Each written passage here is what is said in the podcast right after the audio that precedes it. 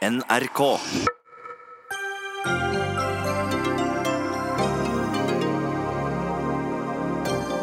Vil nye kommuner og nye fylker gi helt nye koster inn i styre og stell? I dag velger nordmenn hvem som skal bestemme de neste fire årene. Boris Johnson vil heller dø i en grøft enn å be EU om å utsette brexit. Men nå tvinges han visst til å gjøre nettopp det. Sverige protesterer mot vedtak om felling av ulver langs norskegrensa. Kan norsk ulvepolitikk hindre svenskene i å følge sin? Og flere aviser gir anbefalinger om hva folk bør stemme i lokalvalget. Hvordan kan de vite hva som er best i alle norske kommuner og fylker?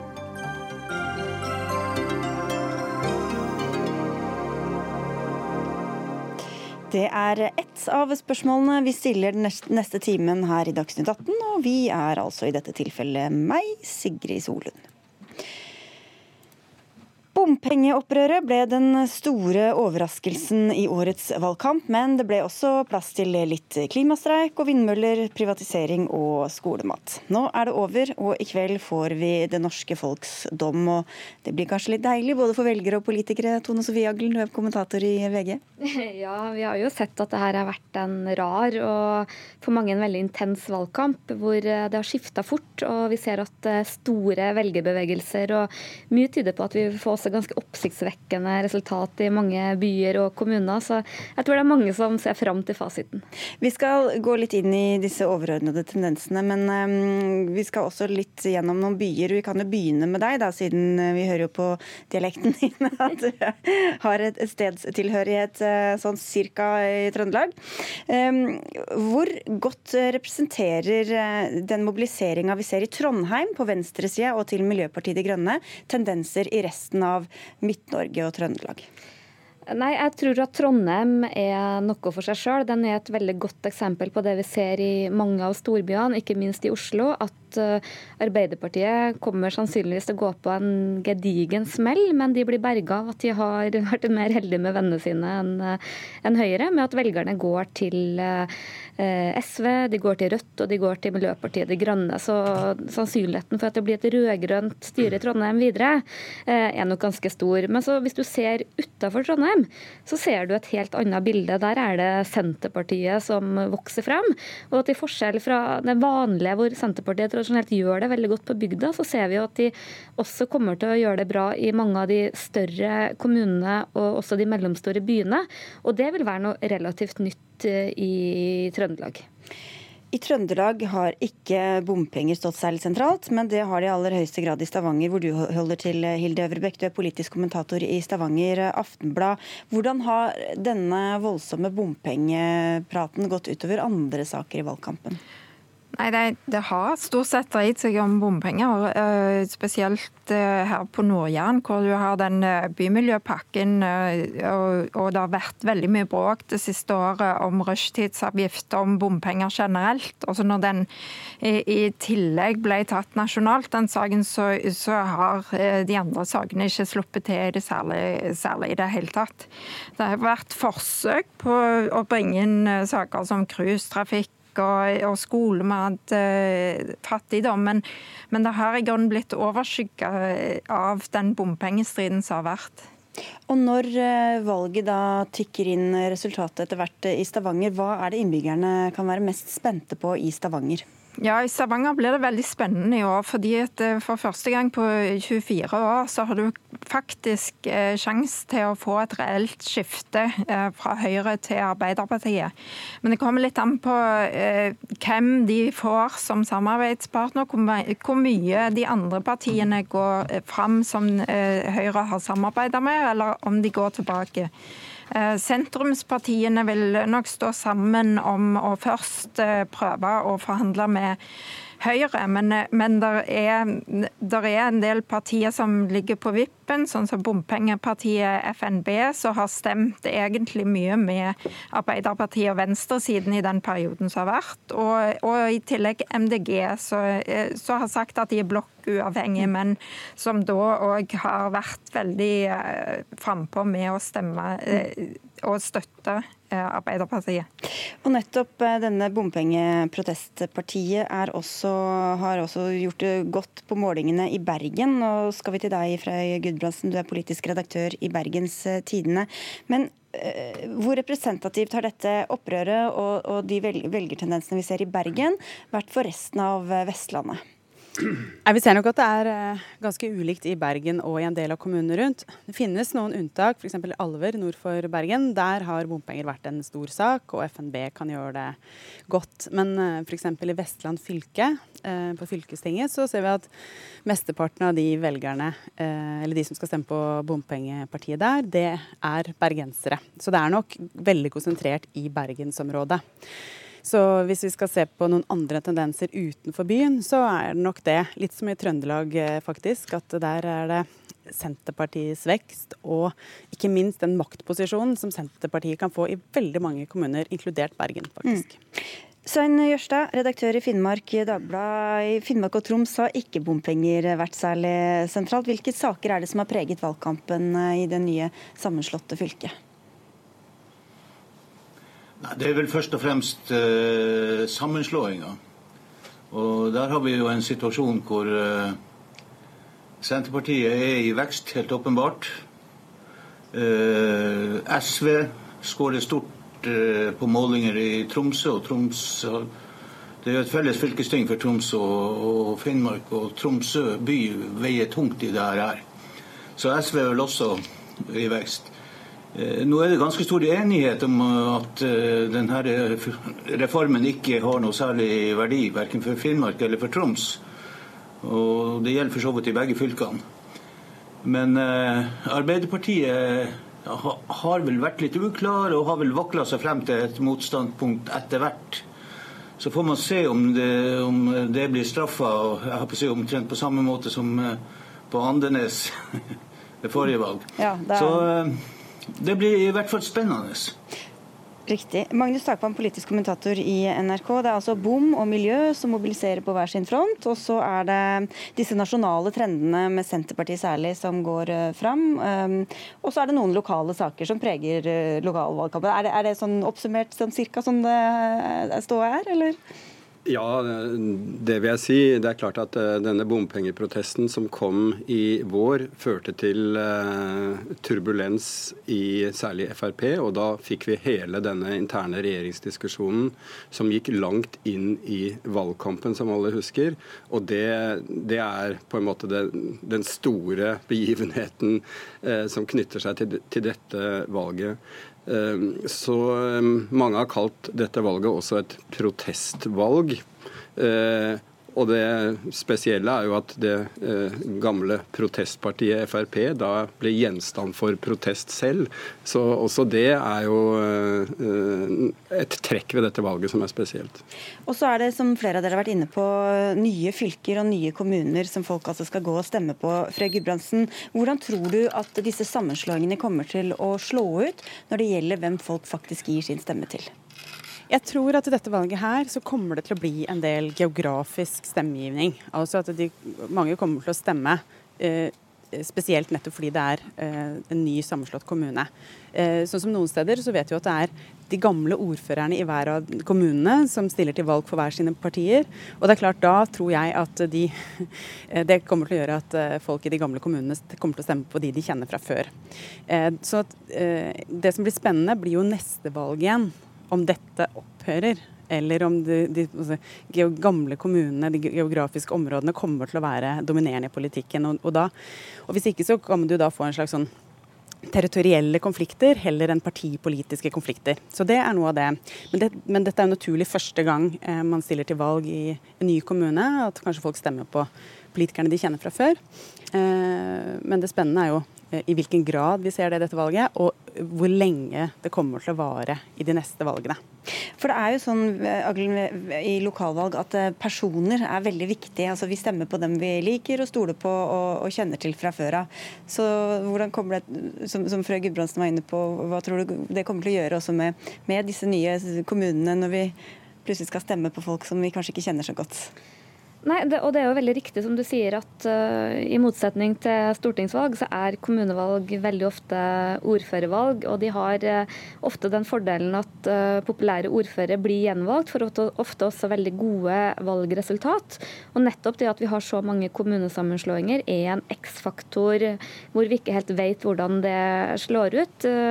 For det er som Frøy Gudbrandsen er inne på, stor sannsynlighet for at mange nok vil stemme mer etter geografi enn etter eh, parti. Eh, vi kan også se at det kan bli endringer i, i velgerstrukturen i en del kommuner. Og så vet vi jo eh, at det er en del populære ordførere, f.eks. Venstre-ordfører Alfred Bjørlo i Eid er en av de kommunene som vil bli slått sammen. Og, og det er ikke gitt at han får like stor oppslutning i, i nabokommunen. Så det, det, vil nok være et sånn spenningsmoment inn i mange kommuner. og og også fylka, selvfølgelig. Ja, Blant annet uh, hos dere, Jørstad. For der er det, som vi var inne på, enkeltpersoner kan ha ganske mye å si. Så når noen uh, gir seg eller kommer til, så kan det få store utslag uh, for, for valgresultatet. Ja da, vi har et tilfelle, og det gjelder jo Hammerfest spesielt. I siste kommunevalg så fikk jo Arbeiderpartiet over 70% av stemmene. Det er jo nesten russiske tilstander. Men, og, og ordføreren Alf Jacobsen ble jo da kåra til landets mest populære. Han går av nå. I tillegg så slås eh, Hammerfest kommune sammen med Kvalsund, nabokommunen. Eh, den utgjør bare 10% av Hammerfest befolkning, men, men, uh, og, og, den har vært uproblematisk og frivillig. Så den er ikke så særlig kontroversiell, men, men likevel så er det spenning. Arbeiderpartiets rene flertall i, storkommunen vil nok bli utfordra, i alle fall. Mm. Senterpartiet er på banen. Uh, de har ikke noe tradisjon verken i Hammerfest eller uh, Kvalsund fra tidligere av. Men rikspolitiske trender slår jo gjerne sammen gjennom også i, i, de litt større kommunene. Vi skal høre med deg så, også. Ja. så har du ja, så har du også SV som er i vekst. Og, og, og, så det er noe eventuelt det. Men det, er jo tradisjonelle samarbeidspartnere på den rød-grønne siden. Så det skal ganske mye til før eh, Arbeiderpartiet ikke blir det største partiet.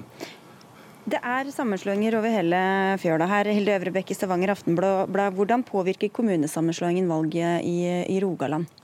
Ja, I Stavanger så er det jo sånn at eh, Stavanger bykommunen ble jo slått sammen med to eh, kommuner som tradisjonelt er landbrukskommuner, Rennesøy og Finnøy.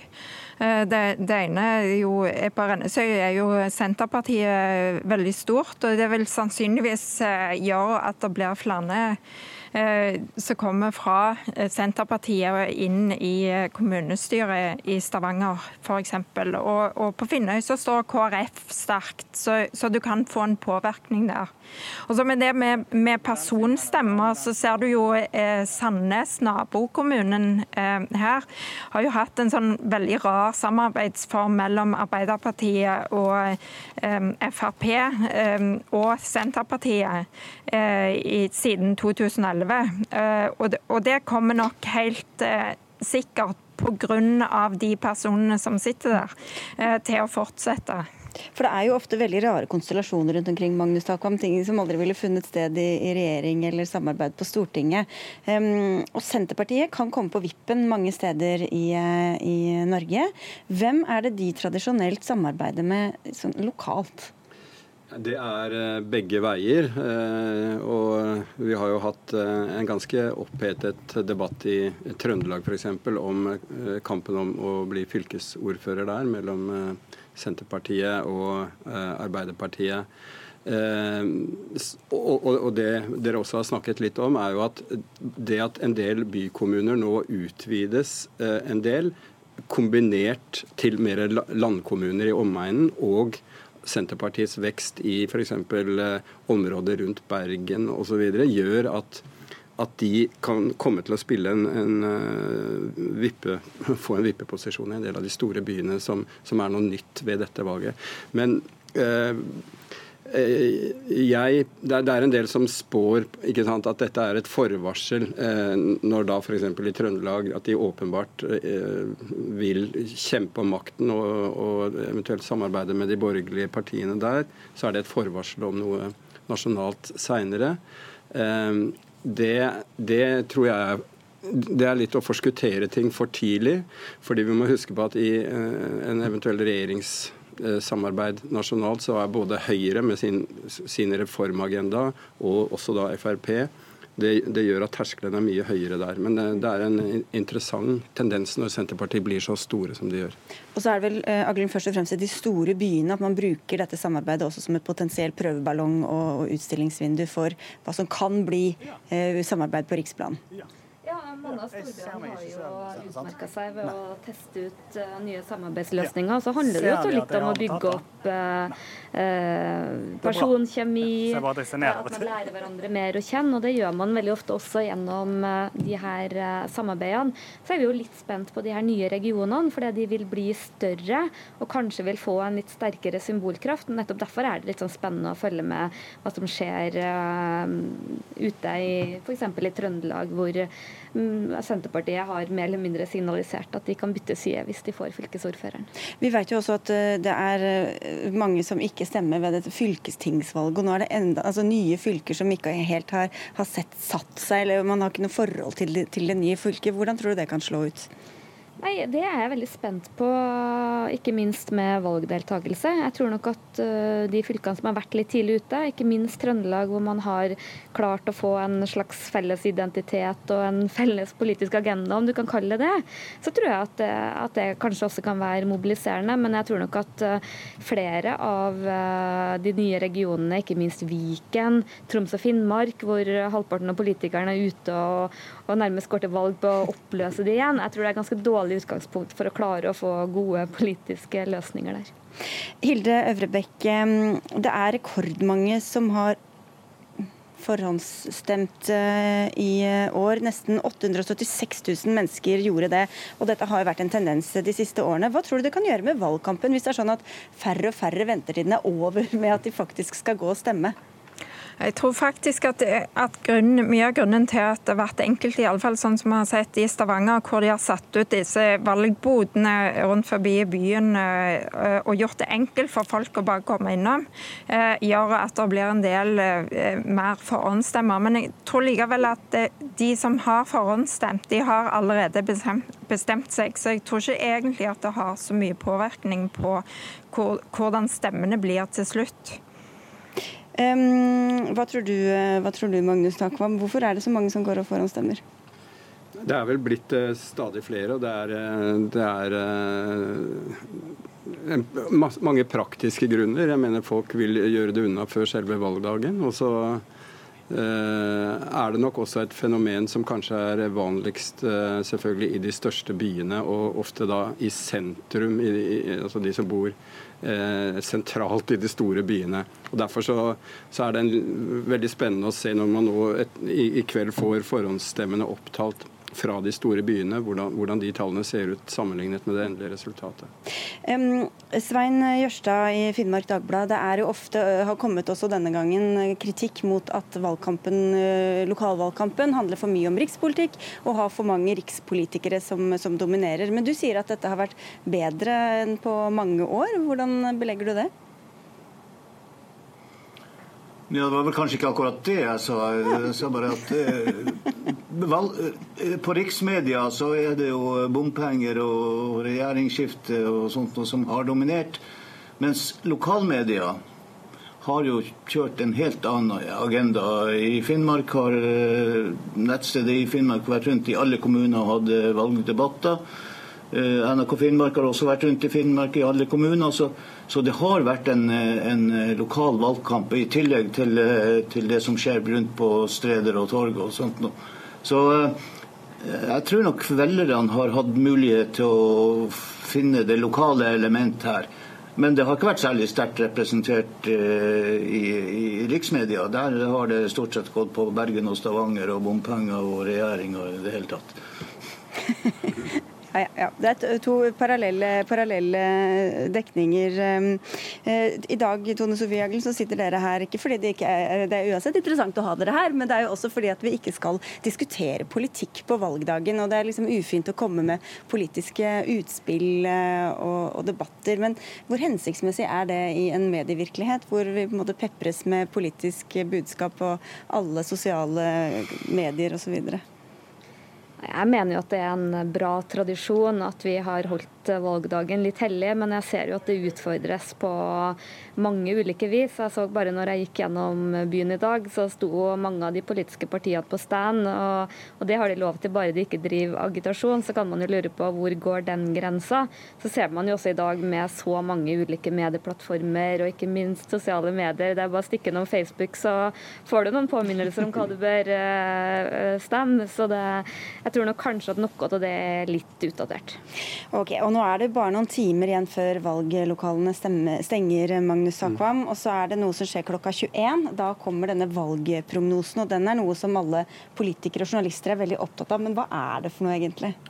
Altså det er Valgdirektoratets prognose som kommer som du sier, klokka 21, hvis eh, alt går etter planen. Eh, og den består av opptalte stemmer og forhåndsstemmer eh, som er opptalt til da, og vektet og liksom eh, analysert eh, faglig, slik at den skal gi et best mulig eh, bilde. Eh, men det er klart, den prognosen vil jo da bli bedre og bedre utover eh, kvelden jo flere stemmer som, som kommer inn.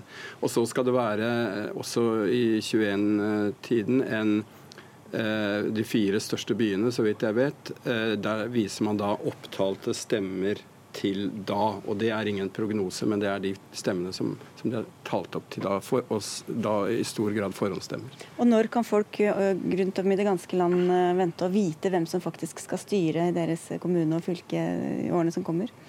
Ja, det er vel i 11-12-tiden, men det kan jo Altså, i 2015 så var det vel sånn at den endelige prognosen for Oslo kom ikke før midnatt, f.eks. Sånn at eh, det er eh, Nå er det også dette med at man har en del eh, kommunesammenslåinger som forkludrer liksom litt opptellingen, eller potensielt kan gjøre det. Så jeg tror det er en del som er spente på akkurat det, hvordan det går denne gangen. Og Alt dette kan man selvfølgelig følge på NRKs mange mm, kanaler og plattformer utover kvelden. Selv om vi ikke skal diskutere politikk på valgdagen, skal vi snart her i Dagsnytt 18 diskutere om det er hensiktsmessig av avisene å anbefale visse partier i lokalvalg eller ikke.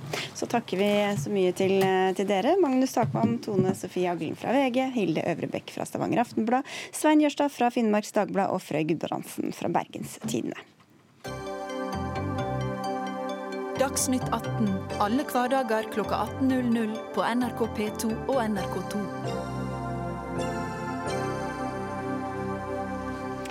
For nå skal vi til et annet langvarig drama. Han sier han heller vil dø i en grøft enn å be EU om å utsette brexit. I dag har Boris Johnson, den britiske statsministeren for alle som eh, har levd i en grøft de siste månedene, fortsatt kampen sin for å melde Storbritannia ut av EU, med et besøk hos sin irske kollega Leo Varadkar i Dublin. NRK-korrespondent i Storbritannia, Øyvind Nyborg, du er med oss direkte. Hva kom ut av dagens møte mellom Johnson og Varadkar i, i Dublin? Ja, Det viktigste som skjedde, var jo at uh, statsministeren i Dublin han sa at uh, for irene så er det ikke aktuelt å gjøre noe med denne garantiordningen for Nord-Irland. Og det er jo i så fall eh, veldig dårlig nytt for Boris Johnson, som ønsker å rive i stykker nettopp den delen av eh, utmeldingsavtalen. Så akkurat nå ser det litt mørkt ut for Boris Johnson, selv om han sier at han har noe å dra opp fra ermet, men så har vi ikke sett noe til det ennå. Hva er den garantiordningen du nevner? Det er jo eh, det som eh, handler om i dag er det jo slik at varer og tjenester flyter fritt over grensen mellom Nord-Irland og eh, Irland. Irland er jo en del av EU, Nord-Irland er en del av Storbritannia. Eh, og så ønsker, man, ønsker alle parter at eh, den grensen skal forbli åpen. Det skal være tollfri handel uten noen eh, fysiske sperrer av eh, noe slag, også etter at britene har forlatt EU.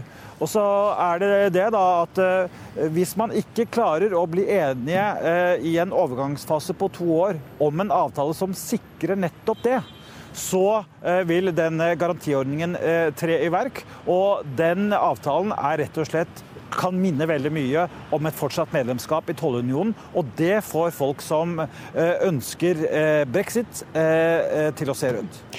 Her skjer det jo saker og ting hele tiden. I ettermiddag har altså Tory-politikeren John Burkow varslet at han vil trekke seg som spiker i Underhuset. Hva vet vi om årsakene til det, og hvor sentral er han? Ja, Det er jo egentlig nok en ganske viktig eh, bit i, i brexit-sagaen. Eh, han eh, skal jo gå av med pensjon, rett og slett. Og han har valgt da 31.10, selve brexit-dagen, for å, å, gå av. Han har vært en veldig viktig figur i brexit-saken. Mange mener også at han er ganske så EU-vennlig selv. Men han har altså hatt en veldig viktig rolle å spille fordi parlamentet er så delt på midten. Det er ikke noe klar majoritet for eh, noen av sidene. Og så har han også tillatt disse debattene som har gjort at eh, parlamentet har kunnet overta den politiske agendaen og selv komme med lovforslag og stemme over de og tvinge eh, regjeringen til å følge deres vei i, i brexit-saken. Vi skal snakke litt mer om det straks, men først til en annen votering som skal skje i kveld. altså Dette spørsmålet om nyvalg, altså et nytt valg på hvem som skal, skal regjere i Storbritannia. Hva er det som kan skje der eh, i, i parlamentet i kveld? Ja, Det blir en reprise på uh, forrige ukes uh, votering. Han, uh, Boris Johnson kommer ikke til å klare å få to tredjedels flertall for et nyvalg. og Det skyldes jo rett og slett at opposisjonen de stoler ikke på at Boris Johnson likevel vil ta britene ut av EU uten noen avtale, selv om altså dronningen har ratifisert en lov som sier nettopp at dersom Boris Johnson ikke kommer tilbake fra Brussel med en avtale i hånda, så må må brexit utsettes til slutten av januar. Og eh, vi kan kanskje komme til å se eh, en også juridisk og ikke bare en politisk kamp om nettopp disse tingene. Og satt på spissen, kanskje Boris Johnson havner i riksrett dersom han finner på eh, å allikevel trosse parlamentet. Du, Det skal vi dykke litt ned i nå, Øyvind Nyborg. Takk skal du ha for at du var med i Dagsnytt 18. Mats Andenes, du er professor i juss ved Universitetet i Oslo, og ikke bare det, du har undervist engelske studenter i britisk statsrett statsrett i London i 15 år.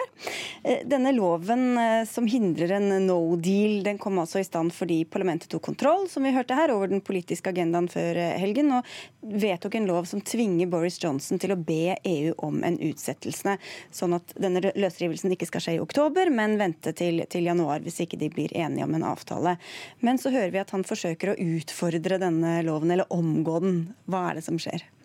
Nei, Det er jo ganske uh, underlig, det hele. Altså, Parlamentet har vedtatt en lov uh, som, som, da er sanksjonert av, av, dronningen. og I den loven så står det at uh, britene skal søke om en forlengelse av denne gjennomføringen av utmeldelsen. Uttreden fra EU. Og, og, Det står i loven, men de har til og med vedtatt hele teksten på brevet. Jeg har, foran, jeg har lovforslaget, må gå til primærkildene, ikke sant? så jeg har lov, lovteksten foran meg. Og Her er det da en halv side med teksten på brevet som skal sendes. Eh, Dear Mr. President, står det øverst. Og så fortsetter det nedover. Your sincerely eh, Prime Minister osv. I, I konklusjonen, eller i hilsen på slutten. Og, og så, er da så, så, Det som har stått i, i Daily Telegraph, den ledende konservative avisen i dag morges, det er da at Boris Johnson Johnsen vil sende dette brevet, som han jo må. Men så skal han samtidig sende inn et brev nummer to, hvor han da sier at nei, jeg mener det ikke.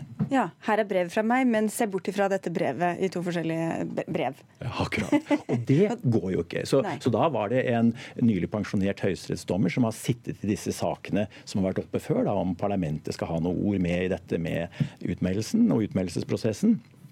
Eh, en, en høyestedommer som nettopp har gått av, og han sier da at nei, loven er klar. Fordi loven sier jo at statsministeren eller landet skal søke om en utsettelse.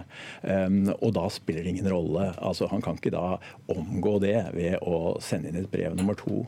Og så, kan du jo spørre hvorfor skal man søke om disse utsettelsene?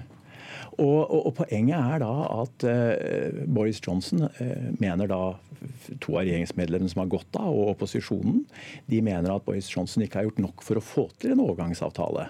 Og at han kanskje ikke egentlig har noe ønske om en utmeldelses- og overgangsavtale. Han vil at de skal ut, og om det skjer fort og brutalt og med store kostnader, da, for store kostnader, mener opposisjonen og disse som har meldt seg ut i, fra hans regjering, vel, så vil han allikevel ture frem, da. Og Hva hvis han enten ikke sender brevet, eller sender et vedlegg hvor det står 'bare glem det som står i brevet'? Hva kan skje? Altså, igjen så har de da spekulert, og radioen har vært full av dette over helgen. Og allerede i dag eh, så har det kommet opp nye varianter. og En av variantene er at han da dagen før, eller timen før, eller liksom rett før han må sende dette brevet, så sier han jeg søker avskjed. Og Da er spørsmålet hva i den perioden. Og Da sier vel statsrettsjuristene at eh, når han søker avskjed, så eh, vil han ha en plikt til å sørge for at denne søknaden om utsettelse kommer. Og hvis ikke, da, si at alt gikk galt si at britene ikke fikk dette brevet av, eh, av, sted i tide, og at de gikk over fristen. Så er det jo voksne folk på, på, begge sider. Og det er ikke noe magi rundt slike frister. slik at hvis da britene på den ene siden og EU og EU-landene på den andre siden vil gi en slik utsettelse, selv et par timer etterpå eller et par dager, kanskje til og med en uke, så kan de bare bli enige om det. Slik er folkeretten. Og det er ikke i strid med EU-rettene, og det er ikke i strid med nasjonal rett heller. Men, men, det er et veldig spill her, da, som jo er morsomt for oss å følge. Men hvis du var i England, så vil du være fortvilt av flere grunner. For det første så, så er det jo folk som er veldig bekymret over denne harde, harde brexiten. Eh, at alt bryter sammen da, i en periode. Og, og, så er det andre som er opptatt av, opptatt av statsrett og at rettsregler skal følges. Og de er bekymret over den uformelle statsretten de har i England, som bygger på sedvane og, og konvensjoner. Og da må de konvensjonene respekteres. Og, og, mange, også i Boris Johnsons eget parti, og dommere og uavhengige jurister, mener at han ikke har gjort det altså her. Men uh, vi hørte Øyvind Nyborg nevne riksrett. Hva er sannsynligheten for det? Ja, Han dommeren som var på uh, Today-program på BBC i dag morges, han sa eh, vel, mange virkemidler her. For det første så kan man gå til en domstol og be om en midlertidig forføyning. Og det innebærer da altså at en dommer, en high court judge, sier ehm, du, eh, Boris Johnson, du har plikt til å gjøre dette. Og hvis du ikke gjør det, så får en tjenestemann en plikt til å sende denne søknaden av sted. Og jeg bestemmer herved, jeg dommeren, at denne søknaden undertegnet av en annen tjenestemann, eh, tjenesteperson, eh, den skal ha de samme virkningene som om det var statsministeren som hadde sendt brevet. Så her kan vi se for, for oss utrolige forviklinger. Eh, men, men, igjen, altså. Bakgrunnen er at det er en engstelse for denne harde, harde brexiten. Og så har de jo så mange rettslige problemer rundt denne backstop-avtalen, eh, avtaleklausulen som har vært snakket, som jo kommer opp og som diskuteres intenst i parlamentet og i britisk og irsk offentlighet for tiden. Her gjelder det å følge med. Takk skal du ha, Mads Andenes, for at du kom til Dagsnytt 18.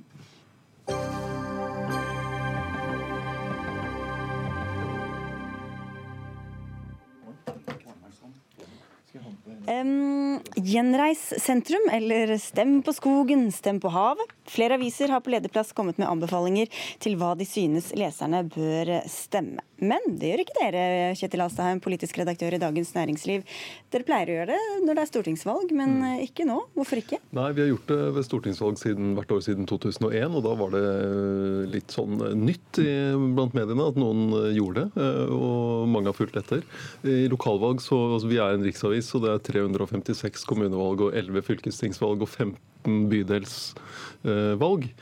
Sånn at hvis vi skulle skrevet valgledere valgleder om alle disse, så måtte vi jo begynt for over et år siden. et eget bilag, kanskje? Ja, og det å gi en nasjonal eh, en måte, vurdering eller anbefaling, det, det kan bli litt, litt, vel sånn generelt. fordi det er så ulike forhold i de ulike kommunene og fylkene. Men det er en del som gjør det likevel, andre dere i Dagbladet, Geir Amnefjell, hvor du er politisk redaktør. Og dere er jo en riksdekkende avis, og dere anbefaler folk å stemme for å gjenreise sentrum på lederplass, uten å presisere nøyaktig hvilket parti dere vil at folk skal stemme eller syns de bør stemme på. Hvordan kan dette rådet være godt og meningsfullt for alle landets fylker og kommuner og bydeler? Nei, det er klart at uh, Kjetil Asheim har et poeng at uh, vi kan jo ikke gi et råd som vil være dekkende for alle landets uh, kommune- og fylkestingsvalg, men det er jo helt klart at det er noen sentrale prioriteringer som går igjen i de politiske partiene, og som utkrystalliserer seg langt altså utover landet også. Og så er det jo også sånn at Eh, dette kommunevalget er jo også eh, en veldig viktig for partienes strategiske veivalg eh, framover. Og vil også påvirke hvordan de navigerer seg i det politiske landskapet videre. Mm, og Det er ikke vanntette skott her, Alstheim. Hva er det som er så fryktelig forskjellig fra det, liksom, i det ene Nei, tilfellet er det bra, og i det andre tilfellet er det meningsløst? Nei, jeg, jeg, sier ikke at det er meningsløst. Altså, det er helt ålreit at Dagbladet har den lederen. Der er jeg mer opptatt av innholdet i den. fordi Det jeg lurer på er hva de mener med gjenreise sentrum. Når du ser på veksten til Senterpartiet, som jo er et eh, sentrumsparti, så er jo det en, en veldig gjenreisning fra det partiet, i hvert fall. Og hvis, når du da inkluderer MDG i sentrum, så er det jo de to, det er to partier med, med ganske store motsetninger på det som er viktige områder for, for, MDG. Og også det når Dagbladet skriver at hvis man gjenreiser sentrum, så kan sentrum igjen få en nøkkelrolle i norsk politikk. Sentrum har en nøkkelrolle i norsk politikk. Hvis Venstre og KrF går ut av regjering, så har vi et regjeringsskifte. Og det vi vil se etter valget i dag, er jo at ulike sentrumspartier, særlig Senterpartiet, kommer til å spille en nøkkelrolle i hvem som skal ha makt og innflytelse i kommuner og fylker fremover. Ja, hvis jeg leser dere rett, så, så, er heller ikke KrF og Venstre med i denne sentrumen som skal gjenreises? Uh... Jo, klart at Venstre og KrF er jo to uh, tradisjonelle uh, sentrumspartier, og de er jo med i ligningen her. Det er jo det som er den interessante analysen inn mot dette valget, hvor man ser FrPs fall og MDGs vekst. da FrP som er et fløyparti, og MDG MDG som selv definerer seg som et, eh, som et, sentrumsparti, det åpner jo for en ny dynamikk i sentrum i norsk politikk, dersom du får et sterkere sentrum som kan trekke, eh, trekke samarbeid fra enten Høyre eller Venstre. Og Der vil jo selvfølgelig Venstre og KrF også kunne, kunne inngå i en slik, i en slik eh, dynamikk. Men det høres ut som i stedet for et råd til velgerne, så er det et råd til politikerne at de skal forlate sine nåværende partnere og komme inn til et sentrum som ikke altså, Denne velgeren er jo like mye en analyse av den politiske situasjonen og velgerforandringene, velgerbevegelsene inn mot dette valget, som har vært veldig store. Og det er En av de viktigste tingene som man ser der, er jo f.eks. det at Fremskrittspartiet faller kraftig, og at dagens, eh, dagens eh, høyreregjering mister mister grep om velgerne. og Det betyr kanskje at eh, det åpner for en ny dynamikk i sentrum av norsk norsk politikk. En nytt tyngdepunkt som kan danne utgangspunkt for nye politiske flertall.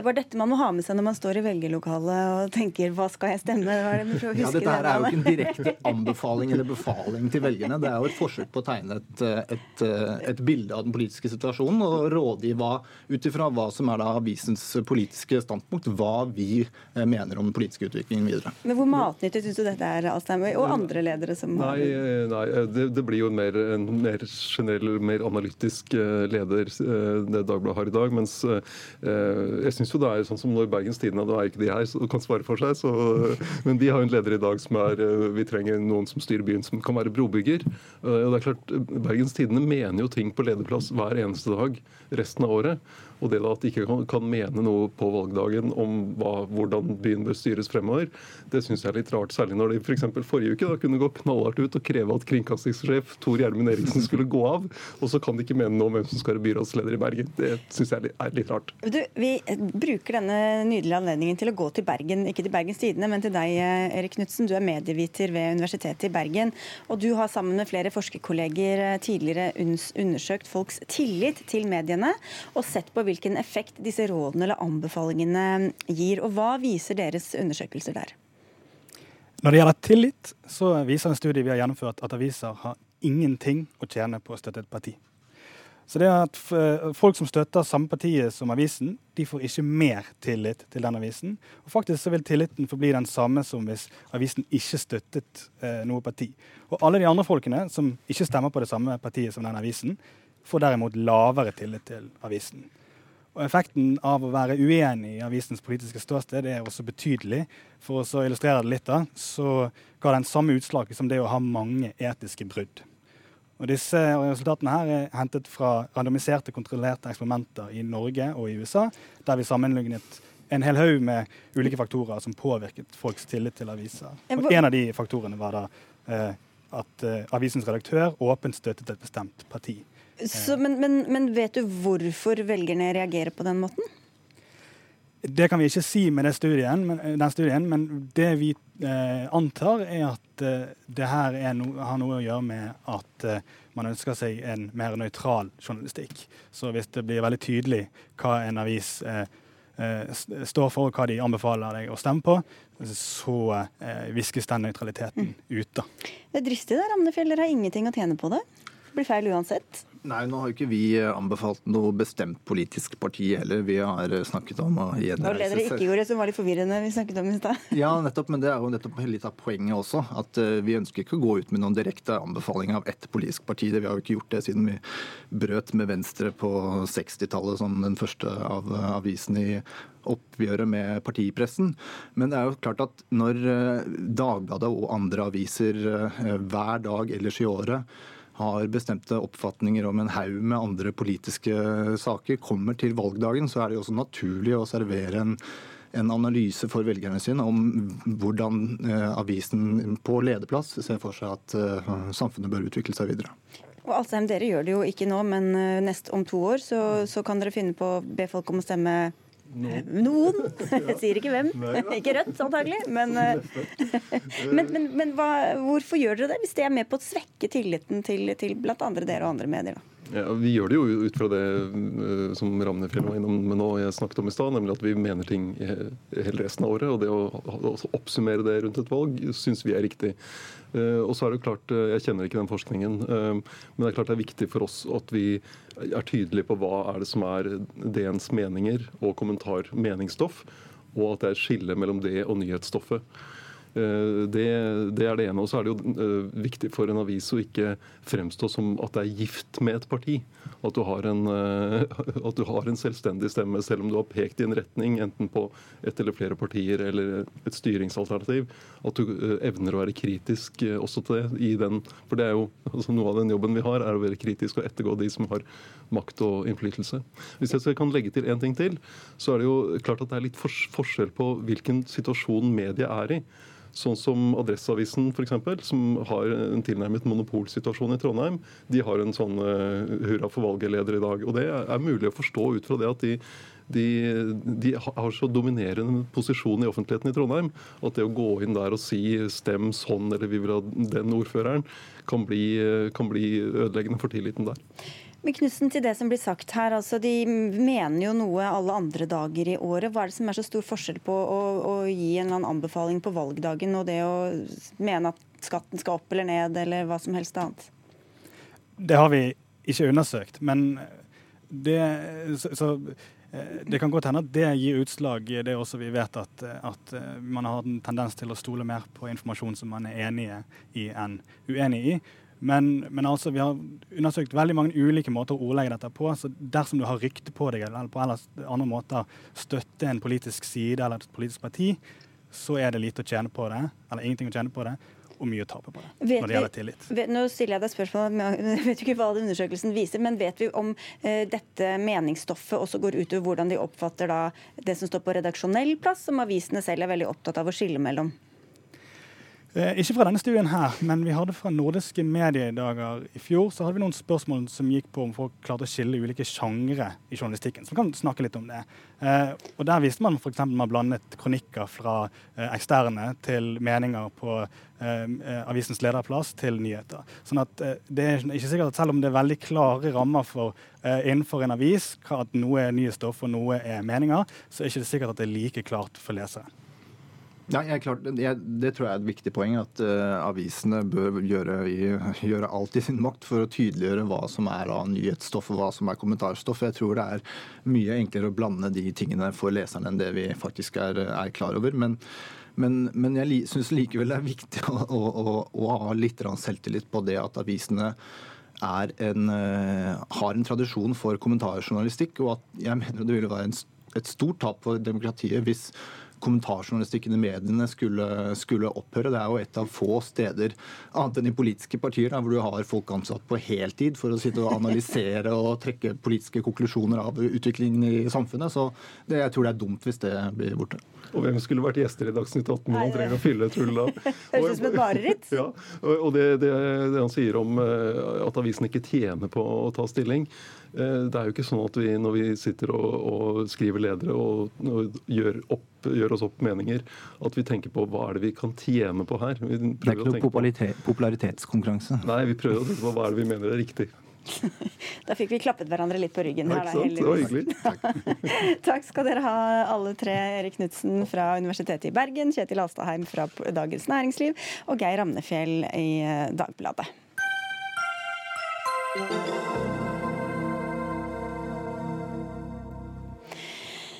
Så skal vi til Bahamas, der omfanget av eh, de materielle skadene er enorme, og hvor rundt 50 personer er bekreftet omkommet og flere hundre er savnet etter orkanen Dorian, som herjet øyene for en ukes tid siden. Korrespondent Veronica Westrin, du er Lars. Lars, Lars. i Bahamas eh, akkurat nå. Vi hører at det var litt eh, kaotisk vi skal se. Ja, kameraet ble borte, men du er der, Veronica. Du har vært i de skadeutsatte områdene. Hva, hva var det du så der, og hvordan vil du beskrive omfanget av de skadene du har sett? Ja, det er jo nesten ubeskrivelig det vi eh, så der. Vi reiste til Abaco-øya, eh, som helt nord på øya i går, som er eh, hardt rammet alt er smadret. Det er samfunn som er helt borte. Eh, og Det vi ser er én ting, men de historiene vi får høre fra folk der eh, er noe helt annet. Eh, det er dramatiske scener som utspiller seg her, hvor folk vi møtte der i går, de er glade for å være i live, men de har ikke noen måte å kontakte familien sin på. De aner ikke om nærmeste familie fortsatt er i live. Da vi var der i går, så var det fortsatt folk som sto i kø for å bli evakuert. De har mista hjemmene sine. De aner ikke hvor de nå skal ta veien eh, videre. De må flykte. Men, eh, og noen sier jo at de ikke vil tilbake til eh, denne øya. De ser ikke noen framtid der. De humanitære behovene er store. Fortsatt så strømmer jo hjelpemannskap til for å hjelpe. Det er jo noen få som, som har valgt å bli, men, men i går så ble altså folk bedt om å evakuere øya. Den er helt uten strøm, og det er vanskelig å se at noen kan bo der på lang tid. Mm. Og Hvor er det de flykter, eller forsøker å flykte hen? Altså Mange blir kjørt eh, over hit til Nassau, hvor jeg befinner meg nå. Um, her er det satt opp uh, shelter, altså det bygges uh, telt. og det er eh, ja, eh, stadioner hvor folk eh, bor på feltsenger. Det er også noen som har blitt tatt over til USA. Der har det nå kommet rapporter om at de som ikke har de rette dokumentene, fikk lov til å slippe inn. Men det som er hovedprioriteten til folk på disse mest utsatte øyene akkurat nå, er jo bare å komme seg vekk, få mat, vann og et tak over hodet. Og det hjelpearbeidet på litt lengre sikt, hvordan, eh, hvordan organiseres det? Altså, det er jo fortsatt eh, leger som kommer hit til flyplassen. og eh, I går ute på Abaco så møtte vi en representant fra Dansk Røde Kors som eh, fortalte oss at behovet for hjelp det vil være stort i lang tid framover. På flyet ut til øya i går satt vi sammen med hjelpeteam. Så, så det sendes jo nå ressurser ut.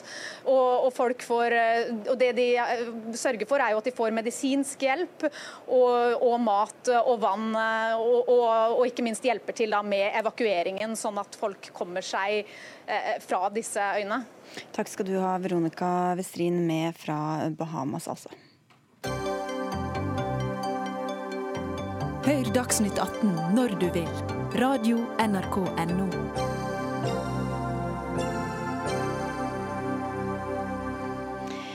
Så til en sak som splitter norske og svenske myndigheter. For tre dager siden vedtok rovviltnemnda å felle tre ulveflokker i Østfold, Akershus og Hedmark. Det mest kontroversielle vedtaket er å åpne for jakt på Rømskogflokken. Disse ulvene befinner seg på grensa til Sverige, og svenske myndigheter har protestert på vedtaket i de norske rovviltnemndene. Trygve Westgård, du er eh, nestleder i rovviltnemnda region 4, som omfatter Oslo, Akershus og Østfold. Og det var du som kom med forslaget om å felle denne Rømskogflokken, som altså holder til på grensa mellom Østfold og Sverige. Hvorfor vil du skyte ulv i dette området? Ja, Det har vært mye ulv i det området over lang tid. og Rømskog har de hatt en stor belastning i ganske mange år, 15, minst 15 år, som det har vært mye ulv. Og Jeg mener jo at den Rømskog-flokken da, sies at han er halvt svensk og halvt norsk, men vi har nesten ingen registrering på at han har vært i Sverige. Det siste året er det muligens målt at en, en av valpene har vært en liten tur over i Sverige, så vi mener jo nesten at den ikke er en grense, grensefamilie. Så, men han er registrert som det, så vi må jo forholde oss til det. Og Det har jo altså da kommet protester fra det svenske Naturvårdsverket, tilsvarende vårt miljødirektorat. Og vi har med oss deg, Jens An vi skal få med oss Jens Andersson etter hvert, men vi kan jo gå til deg først. Ingrid Lomelde, du er miljøpolitisk leder i WWF Norge. Dere er blant dem som, som protesterer på denne fellinga. Hvorfor det? Jo, jeg syns det er underlig hvordan eh, rovviltnemndene nå viser så tydelig at de har utspilt sin rolle som eh, legitimt eh, norsk forvaltningsorgan ved å begynne å gripe inn i også andre lands ulveforvaltning. Det er altså sånn at Svenskene har bedt oss om å la være å skyte denne familien. Vedtaket fra Norge ble utsatt fordi vi ventet på en uttalelse fra Sverige. Og så når vi fikk den og de ba oss om å la være å skyte, så har vi likevel fattet vedtak om at denne familieflokken skal skytes. Og I tillegg så er det vedtatt å felle to andre flokker innenfor ulvesonen. Og Dette er bare nok et eksempel på hvordan rovviltnemndene i Norge tøyer strikken år for år for år for å se hvor langt de kan strekke det før den sprekker. Um, Vi kan komme tilbake til, til det, den kritikken, men bare for å ta dette med, med protestene fra Sverige. altså Dette Naturvårdsverket siterte, de, de, er ganske tydelige. De skriver at det er uheldig hvis norske myndigheter vedtar å felle et helt grenserevir, og viser til at svenskene har bestemt at det skal være minst 300 ulver i Sverige, og at bestanden ligger nært dette minstemålet. Så hvordan skal uh, svenskene nå sitt mål hvis norske myndigheter motarbeider dem? Ja, men Vi har jo et stortingsforlik som sier at i Norge skal vi ha fire til seks familiegrupper, og minst tre av dem skal være helnorske. Så, og det, I dag så ligger vi langt over det eh, normen som Stortinget har satt. Og Det vi foreslår da, er jo at, eh, at vi skal ta ut noen flokker nå i ulvesona for å komme ned mot det nivået som Stortinget har satt. Men da tar jo norske myndigheter vedtak, eller fatter vedtak som også går utover hvordan, svenskenes mulighet til å nå sine mål, da? Ja, det, men det er jo sånn at når vi skal foreslå å, å ta ut et revir som ligger da, som er grenserevir, så skal vi varsle svenskene og de skal få lov å uttale seg. Og Det har jo vi tatt med i den endelige avgjørelsen. Men vi mener jo Rovviltnemnda mener jo at det nesten er en norsk eh, familie, for han lever jo hele tiden på norsk side. Og da, ja, Lomelde. Ja, jeg synes jo Det virker mest som et spill for galleriet når man utsetter dette vedtaket for å la svenskene få en anledning til å uttale seg, og så eh, ignorerer man fullstendig de rådene som kommer fra Sverige. Og Det er altså krevende når vi ser at det norske vedtaket om hvilket bestandsmål vi skal ha, er satt på bakgrunn av hvor mange ulver de har i Sverige. Altså Hele argumentasjonen for at vi skal ha fire til seks ynglinger i Norge, er basert på at man har 300 ulv i Sverige. Og nå hjelper vi til med å undergrave hvor mange ulver som som finnes i Sverige. Samtidig som vi vet at svenskene er under sterkt press fra EU, har fått mye kritikk fra EU-domstolen fordi de ikke klarer å opprettholde sine forpliktelser.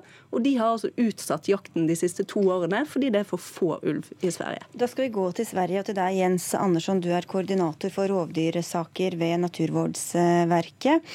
Hvordan reagerer dere på dette norske vedtaket om å, å skyte denne ulven etter at dere kom med denne innsigelsen eller protesten? Ja, vi har jo fått mulighet å lämna et utlåtande fra fylkesmannen og och då vill vi ju precis som, som jag sa innan, att vi, vi har ju sett att vi har haft en nedåtgående trend och vi har inte då tillåtit licensjakt i Sverige. Vi har gått från 305 till 300 vargar och, och det finns inget utrymme för att vi har sagt och kommit fram till att det är 300 vargar som, som behövs för att ha en långsiktigt hållbar population som uppfyller EU-kriteriet gynnsam bevarandestatus. Så då är det som så att, att man tar och jagar så att det direkt påverkar populationen så är det, det är ju svårare för oss att upprätthålla den gynnsamma bevarandestatusen. Så eh, det är det vi har meddelat, att, att det är olyckligt för våran del. Og Hvilken kontakt har dere da med norske myndigheter? Vi har jättebra kontakt. Vi jobbar nära med Miljödirektoratet både kring inventering för alla stora rovdjur vi jobbar tillsammans med på DNA-labbsnivåer och försöker få till ett, ett bättre och bättre samarbete både med Norge och även med Finland.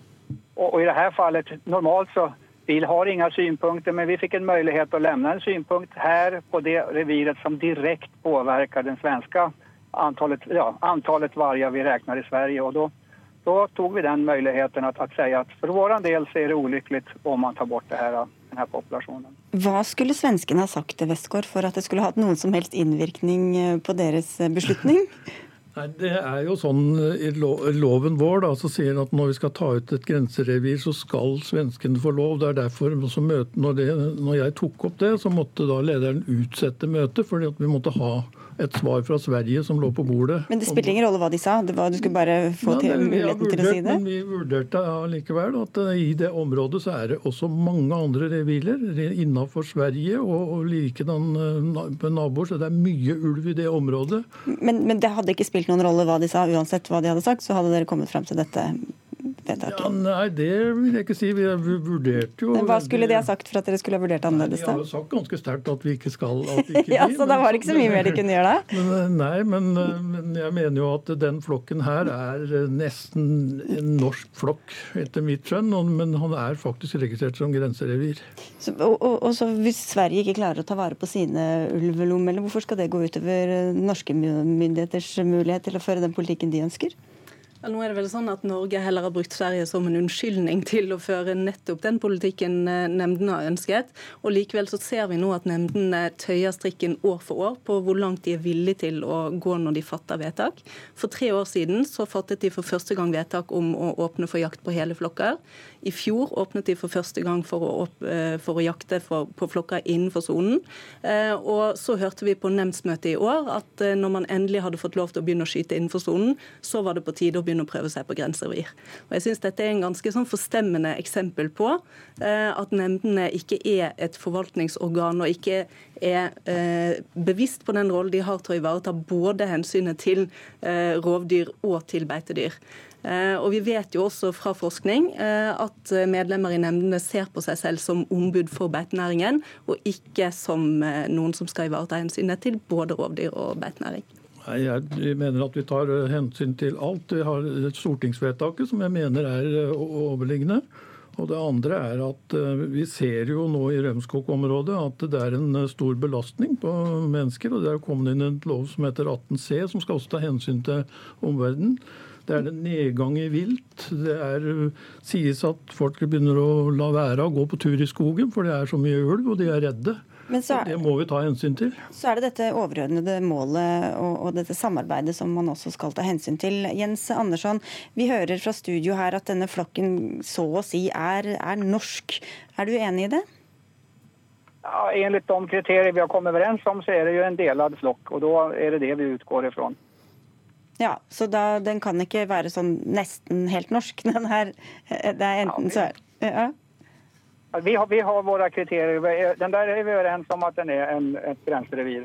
ja, så Da spiller ikke det noen rolle egentlig da hvor ofte den er i Sverige eller hvor ofte den er i Norge? Vestgård? Nei, den, det, det spørsmålet stilte jo vi også til eh, fylkesmannen om, om hvorfor denne flokken var registrert som grenserevir. Og det, og det fikk vi jo svar, at han er eneste av den flokken som er registrert over grensa til Sverige, er den ene valpen som har vært innom, og det har de da funnet i avføring. Ellers så lever den stort sett i norsk revir. Vi har mange eh, ulv som kommer over fra svensk side, og løper også inn i området og videre innover nedover Østfold. Og dette, dette, føyer seg jo inn, som du sier, Lomelde, det dere mener er en, en eh, tendens eller en, en, utvikling. Og dere har jo saksøkt staten, tapt i tingretten, men er anket. Og kom, denne, denne, saken kommer da opp igjen i, i lagmannsretten i eh, desember. Um, hva tror du denne saken her kan gjøre med, med den, det søksmålet dere er inne i der, da? Jeg mener jo at Både denne saken og de sakene som har vært nå de siste årene, er veldig tydelige eksempler på hvordan grensene for forvaltningen tøyes år for år.